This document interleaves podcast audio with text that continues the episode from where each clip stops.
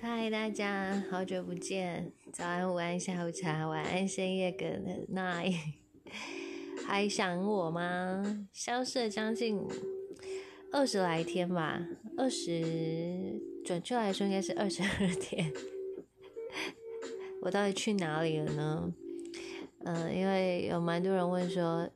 怎么没有听到你的声音？怎么没听到你在更新？嗯，好像。不见了，这样，但其实也没有到真的不见啦，也也不是嗯刻意躲起来，或者是 或者是耍，或者是任性，或是生病，这些都不是，其实就是很简单，就是很懒惰，很懒惰而已，嗯，反正。居家防疫的这段期间，像从五月十几号开始嘛，然后一直到现在已经七月一号了，这么多个日子，生活大致上都是没有什么，没有什么好更新，或者是没有什么好好好碎念跟废话，因为我觉得，呃，还能够平平安安的。过日常日常的生活，其实就是很幸福跟很幸运的事情。虽然真的，呃，能够做的事情都都觉得快快做完了吧。嗯，当然除了工作啊，基本生活，然后自己的一些小小的兴趣，在练习啊，在反正想到就拿拿出来练习这样。呃，还有就关注国内外大大小事情、时事啊、疫情啊等等的，嗯，好像真的没有什么，真的没有什么可以特别拿出来聊或者是大肆探讨的耶。我的确最近没有什么灵感，所以比较多都是嗯，就是非常安静的在过自己的生活。导致于导致于就停了一阵子这样。那今天要跟大家呃讲的是一个我昨天看那个许常德老师的脸书直播，呃他在讲那个渣男渣女的事情。我我没有全部的直播看完，因为我后来有去忙了别的事情。但是我在里面待了一阵子，我听到一个理论，我觉得还。蛮有趣，有种豁然开 开朗的感觉，所以我打算今天就跟大家分享。所以在今天正节目的正题之前呢，就先跟大家说，我我还我还活着，我还在，一切都还健健康康的，我没有生病。然后，嗯，居家防疫跟居家办公的这段期间，生活作息的确自己有点。搞乱了，这这点是有点不太好。然后也没有特别大吃大喝，我反而一天就吃一餐，甚至不一定呢，两餐到一餐，就是吃的吃的量没有很多。然后反正就维持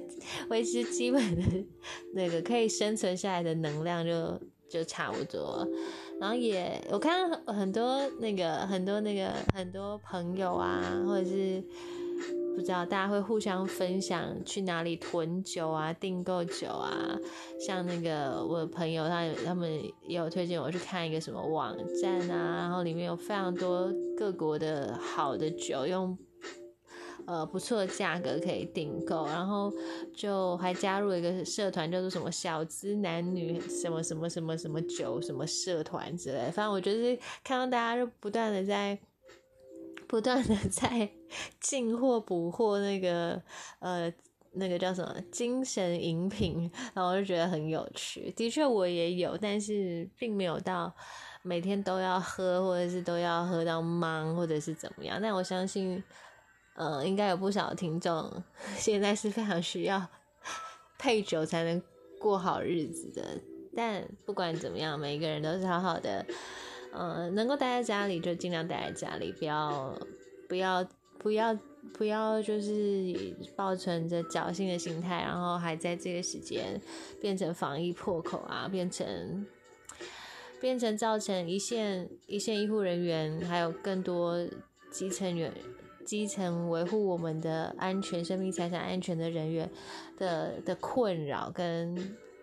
就变成他们的负担。所以我觉得，无论接下来，现在已经七月一号嘛，嗯，预计是七月十二号为解封还是解封，不知道。但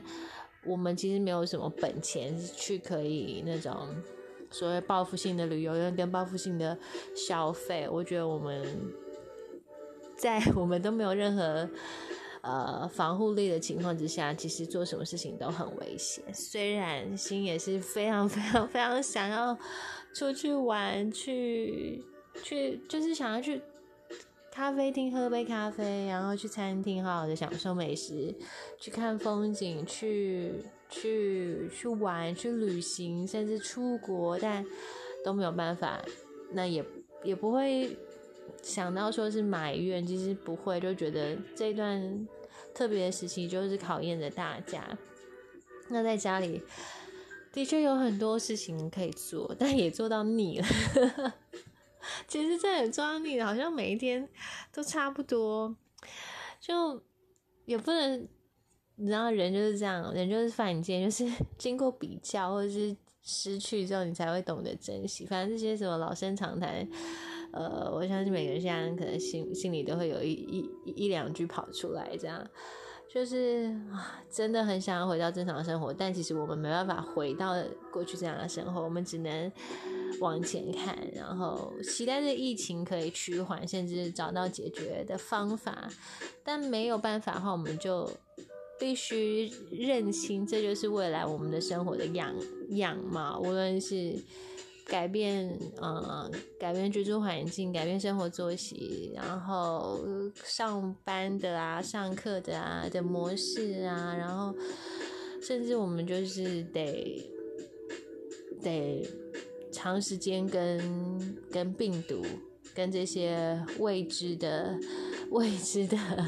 攻击和平共存。我觉得这就是未来我们。我们人类的生活，这应该就是大家的。好，总之，反正反正心现在心是很 OK 的啦。我没有，我没有死掉，我也没有不见，我只是懒惰。那我答应大家，我答应大家，还是时不时的会。录一些东西，呃，丢上来，然后让大家知道我还还存在着。可是我在我在其他地方，你们都应该知道我，我其实每一天都还是有有发布有发布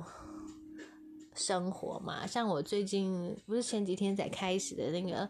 呃，连续二十一天称呃称赞自己一件事情的这个记录嘛。我现在目前记记录到第四天，我觉得这是一个蛮好的。蛮好的实验，大家可以，大家可以试试看，你们就可以看我 PO 的文，嗯，对不起，刚刚打嗝，你们可以看，就是看我 PO 的文，然后去想一下，哎，你从哪一天开始，呃，记录一下，它有点像是微日记，其实你不不一定要像我写成那样子啊，就是。呃，称称赞自己，当天称赞自己一件事情。那我比较像是一个微日记的方式去写，呃，然后我就去，因为我现在比较少拍照，因为在家有什么好拍的？就是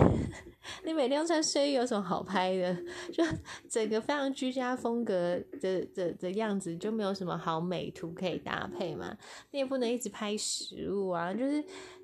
就是我觉得。那个整个图文搭配起来是很奇怪，所以我就会找我觉得的，就是像我这个系列，我就搭配着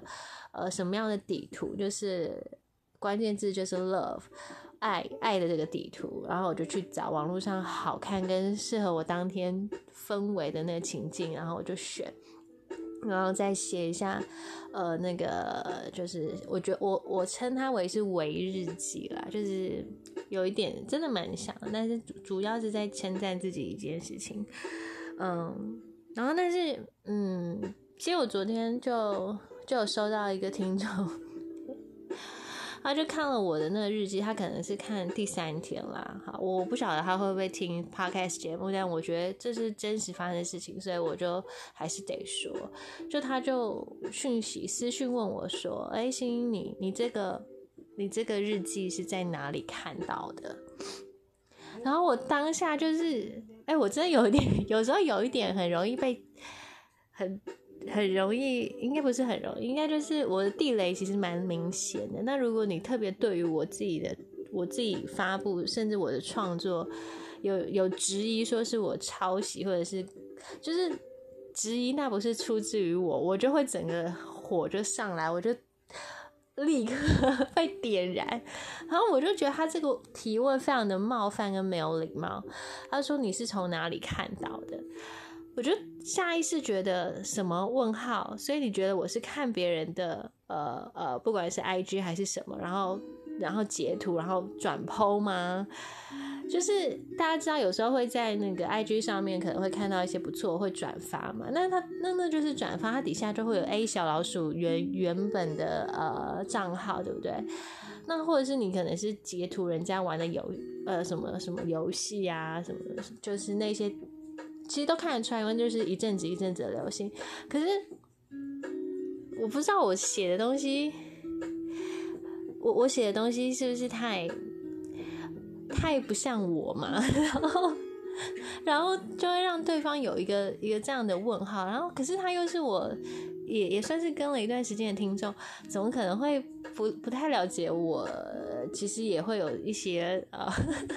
文艺气质或是文青的一面呢。然后好，然后就。他就这样问我之后，我就真的很生气。然后我其实有，我是蛮直接的。我我不我我有的时候觉得我不需要客气，因为我以前都是彬彬有礼惯了，呃，太有礼貌惯了。那我现在就比较懂得觉得不需要，所以我。我就我就跟他说，我说这是我自己写的啊，我说我不需要去，呃，就我撰我的撰文，我所写的东西，我不需要去抄袭别人，就是我不需要去复制别人的脑袋。总之，我的意思就是，那就是我写的。那对方后来就还是道歉了，那我也告诉他，我接受他的道歉。但我心里原不原谅他，我觉得这件事可大可小。但我就是不管原不原谅这件事情，我只是很明确的表明说，这东西是我自己的东西。然后你是我的听众，你应该了解。那如果你不太了解，你你你觉得你只了解片面的我，那那就是你自己的事情。然后我表达我觉得被冒犯了。总之我的立场，我就在告诉他这样。那对方还是有在再一次的。比较长篇的 讯息说他很抱歉，因为他觉得他的前任有过类似的经验，有过类似的感触，所以他很好奇为什么我会有这样子的心情。然后这一篇日记，然后他也承认他是只有从第三篇开始看，他没有往前看，所以他不知道哒巴拉巴拉巴拉巴拉。但对我来说，那个我我我根本不需要听。那你们可能会觉得，我心里为什么要这样？人家好好解释，我觉得这不用，就是你怎么样误会我的那个过程，我其实不需要知道，但我就知道你冒犯了我。因为如果当你对于这件事情有疑问，或者是你是欣赏的，但是你存同时存在疑问，你就会去斟酌那个问话。但是因为你的问话。表达了你第一时间的想法，所以你后面的后话，你再来补充说明的道歉，那都是多余的。所以我这件事，我我我就是看的很看的比较 仔细一点，或者是我就看的很真啊。那你无论再跟我打几几几百个字，或者是怎么样的对不起或是道歉，我觉得那个第一时间问话，其实就表达了你内心最真实的想法。要么就是你不懂得问问题，你不懂得说话艺术；要么就是你就是真心这样讲，然后后面的解释只是多余的。所以，嗯，所以讲到这里，总之我就是跟他 跟大家分享说，我现在就是呃练习写呃二十一天的呃称赞这件称赞称赞自己这件事情。嗯，我觉得对我来说是一个。是一个要学习的，因为我本来就是一个比较悲观，跟嗯，不能说是消极跟避世，我是一个比较悲观的人，事情会想的最坏，然后最糟的状况之下，然后再去面对跟解决，那不是自己吓自己，就是我如果已经先想到最坏的状况，接下来所有的灾难我应该都可以承受住，所以我不是那种乐天派的那。嗯，从这个为日记，就是嗯，每一天称赞自己一件事情，去，呃，不能说是去反省，反而是，嗯，回到自己身上去察觉自己没有、没有、没有发现的那些好。那可能是很小很小的事情，这样。所以如果你有兴趣的话，你也可以去新的 Instagram，然后去看一看，因为我有把那个就会变成一个，我把它收集起来，反正你们就可以看到。那也非常欢迎你，也可以练习看一看那个，呃，连续二十一天称赞自己一件事就好，称赞自己一件事这件事。不用用那种很臭屁跟很很夸大的方式去去说自己好厉害、好棒棒。反正就是你觉得今天你有做到什么，或者是你今天特别想要对于你的哪一个部分好好的肯定一下自己，我觉得这是蛮棒的一个实验。OK，等下我的正题到底是什么？好，我已经讲了十六分钟，就竟然还没讲到我今天正题。今天正题其实就是听了许常德老师他的直播，他在讲那个渣男渣女的的的的的事。但我觉得要说什么是渣，其实不管是感情方面啊，就是人生大大小小的事情，只要只要。呃，没有满足到你自己的期待，其实都算是一个很渣的事情。但渣这件事情嘛，把它放在爱情里面，每一个人定义就不太一样了。就是大家有呃普遍认知的渣男渣女的定义，然后也有个人经验的渣男渣女定义。然后，但是我觉得许常德老师。他提到，他说什么叫做 什么叫做渣？我那天就是在听的时候，就突然觉得啊，豁然开朗哎！就我我觉得不是否爱情，我就觉得整个人生就是渣就是大便呐，所以他就提到一个大便理论，然后我就觉得嗯，渣就是大便，然后呢，就是 就在那直播里面，我就好专心听这样，然后然后他就说。呃，许昌老师就说：“那你们就想想看嘛，你你踩到大便的时候，你踩到大便的时候，你的反应是什么？我想说，踩到大便反应就是就是就是哦，shit，怎么那么碎？然后辱骂几句之后，如果在路边就看可不可以抹掉啊，或者是拿，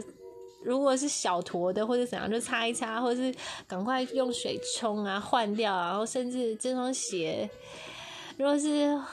很心疼的话，就会觉得就是脏话我骂不停。那如果是随便写，就想算就丢掉，连洗都不想洗那种，或是干脆就直接冲去买一双新鞋等等之类。然后我脑海当中就想到很多，如果我踩到大便这件事情，而且还有那种刚大的软软的便，然后还是硬硬的便，就各式各样道路上面有的大便，我就在脑脑袋瓜里面想过一轮之后，想说，对我就一定是会。骂了一下脏话之后，然后想怎么解决，而且用最快的方式去处理掉它，因为那个臭味它一定会渗透到你的鞋底啊，然后你你的鞋子不不只是毁掉，你当下的心情也毁掉，然后甚至就会臭臭的这样，然后所以徐徐昌的老师就说，那你会怎么处理？所以这就是对待你人生，然后爱情里面或者是你人生里面的渣，你就是应该要这样处理啊。然后我突然就是那种脑袋瓜那种啾，那电灯泡还是什么啾，就要想了一下，哎，应该不是啾，不是啾，是讲叮，是叮吗？就就就突然灯就亮起来，然后对，就我遇到所有的鸟事或者是烂事情，就是都是渣的话，其实就是大便啊，你不会去心疼大便，然后你也不会去去感叹这个大便。你会去处理掉跟解决掉它，而且你会告诉自己要小心，不要在同一条路上要特别小心。这个区域可能会有很多大便，怎么样怎么样，然后你就尽量避免遇到遇到这个大便这件事情，遇到渣这件事情。然后许常德老师就还有说，他就说，其实还有另外一个呃呃，就是观点，你要想一下，就是为什么你会踩到那边。是不是自己不小心呢？好，除了自己不小心之外，是不是你所处在那个环境太容易出现大便？然后我就哎，对耶，就如果一个一个干干净净的街道，然后经常整理，甚至是在一个比较高级的区域跟地段，你就不会在。地上遇到狗屎这件事情，那可能会被天上的鸽子还是鸟的鸟粪砸到，也是有这个几率啊。但但地上的狗屎就不太会出现，或是屎就不太会出现嘛。所以他就说，那是不是你所处的环境就是比较容易存在这些大便？所以你还是会遇到，你呃好，就是隔一阵子你就会踩到，不是说你。你你吸引大便不不吸引大便这件事情，而是我觉得应该不会没，应该不会是没事一个人去吸引大便自己喷到身上或者沾到身上。好了，我觉得 现在讲这有点，我不知道你们现在是在吃饭怎样。总之总之呢。意思就是说，不是说这些东西不好的东西会吸引到你身上，不是因为你的磁场不好，而是你所处的环境，你有没有办法让自己跳脱这个环境？那当你能够可以选择环境，选择一个更好的环境，不管是工作、职场、人生，或者是爱情，或者是交友，那你遇到渣跟遇到屎的机会，应该就会比你现在原来的那个环境里面来的低很多。然后，所以。我觉得徐长老师的直播，他当然里面还有谈到一些其他的东西，但我后来就没有看完，因为我是在我有在追徐长老师他的回复信件，他的呃那个脸书的的专业粉，嗯，就是粉丝专业这样，那我也谢谢他，就是嗯点醒了很多人，然后我我虽然是一个读者，我就这样看看看，看到非常多光怪陆离的故事，我也从中学到了很多，然后。我昨天就跟到这直播，就觉得，嗯，这个这个大便理论，我应该要跟大家分享一下。就是的确，生活当中鸟事、虽是、烂事，这是无可避免的。而这些事情为什么会发生？有时候，嗯，往往往 宏观一点去思考，那就是人生带来的历练。因为老师也说，或许这些大便、这些渣是你人生的贵人嘛，所谓的逆境贵人，对不对？那那往另外一个方向去想的话，除了他是人生历练之外，他可能也是一个让自己清醒跟不断的醒思的一些警讯，就是你为什么会在这边遇到渣或者踩到大便？你是自己有没有调整好，还是这个环境？不对了，不够符合你所需要的，跟你，呃，你所期，呃，你所，呃，就是你现在这个人生阶段需要的，然后去做调整。就是我觉得从老师的文章跟老师的直播一直不断的告诉大家，是我们不要去期待别人太多，因为你有期待就会就会有失望，然后。别人满足不了你的时候，一切在你眼里都可能是渣的行为，或是他就是一个渣，就是他就是个大便，所以反而是呃参透想透之后，创造让让自己嗯可以走在一条很干净的 路上。很干净又很高级的路上，然后呢，那个大便出现几率就会很小。大便出现几率很小之外，然后聪明的你，因为有踩过了无数次的大便，那你就会懂得避免。然后可能在某个转角，可能在呃呃电线杆旁边，或者是可能在人行道哪里。或者是花圃花圃附近，反正总之你会知道说哪里你会遇到大便，哪里你会遇到家，那你就好呃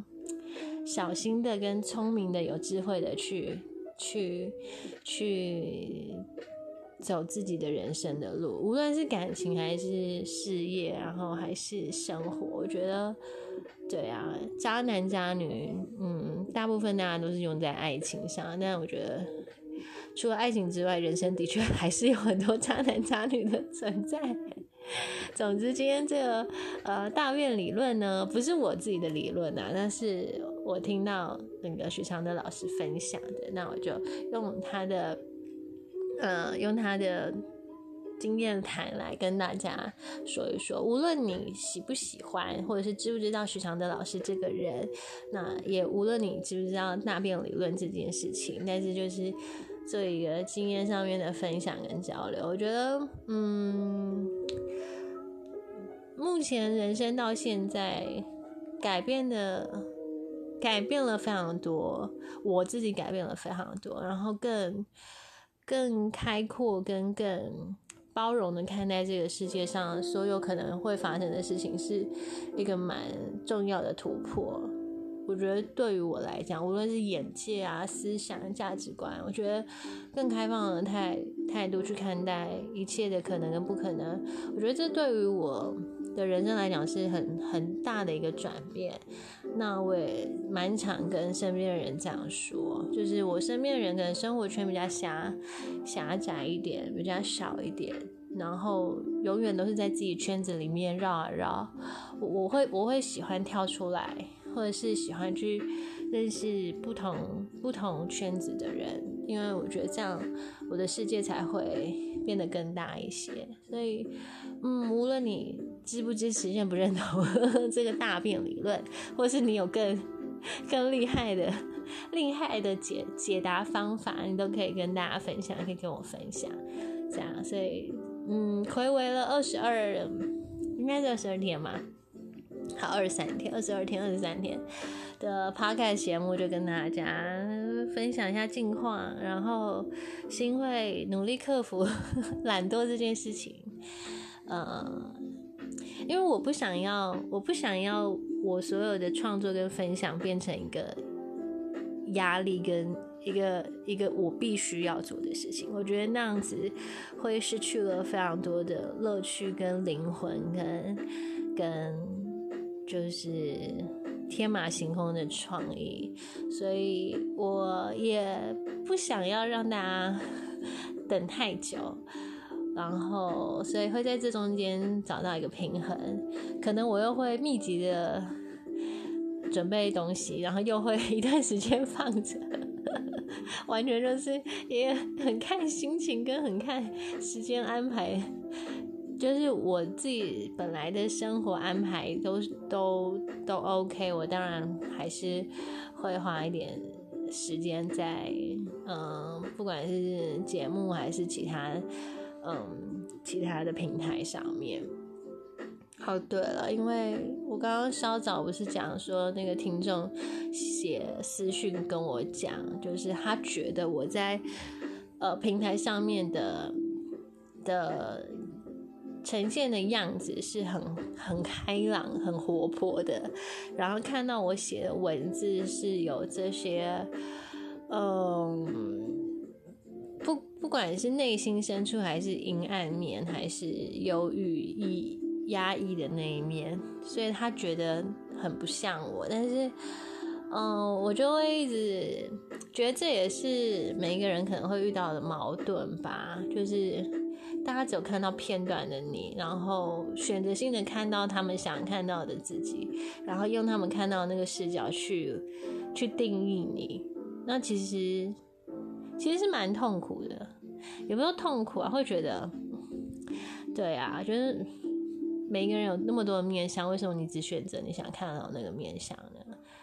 当然，我也有可能对于身边的人也是这个样子，所以一切都还在学，对吧？好，好，OK，所以我我我不知道我今天我今天这个这一集主题到底要 下什么。才好，好啊！我是星星，呃，如果你喜欢我的声音，喜欢我的节目，喜欢我的内容，就欢迎你追踪订阅，呃，关注，呃，然后喜欢分享，还有准时出现，然后也可以去其他平台找到我的账号，呃，如果你对于创作这件事情，对于呃写作这件事情，或是其他事情有。任何想法都可以，欢迎跟我交流，或者是邀我一起合作也都 OK 哦。好，我是星星，希望大家七月，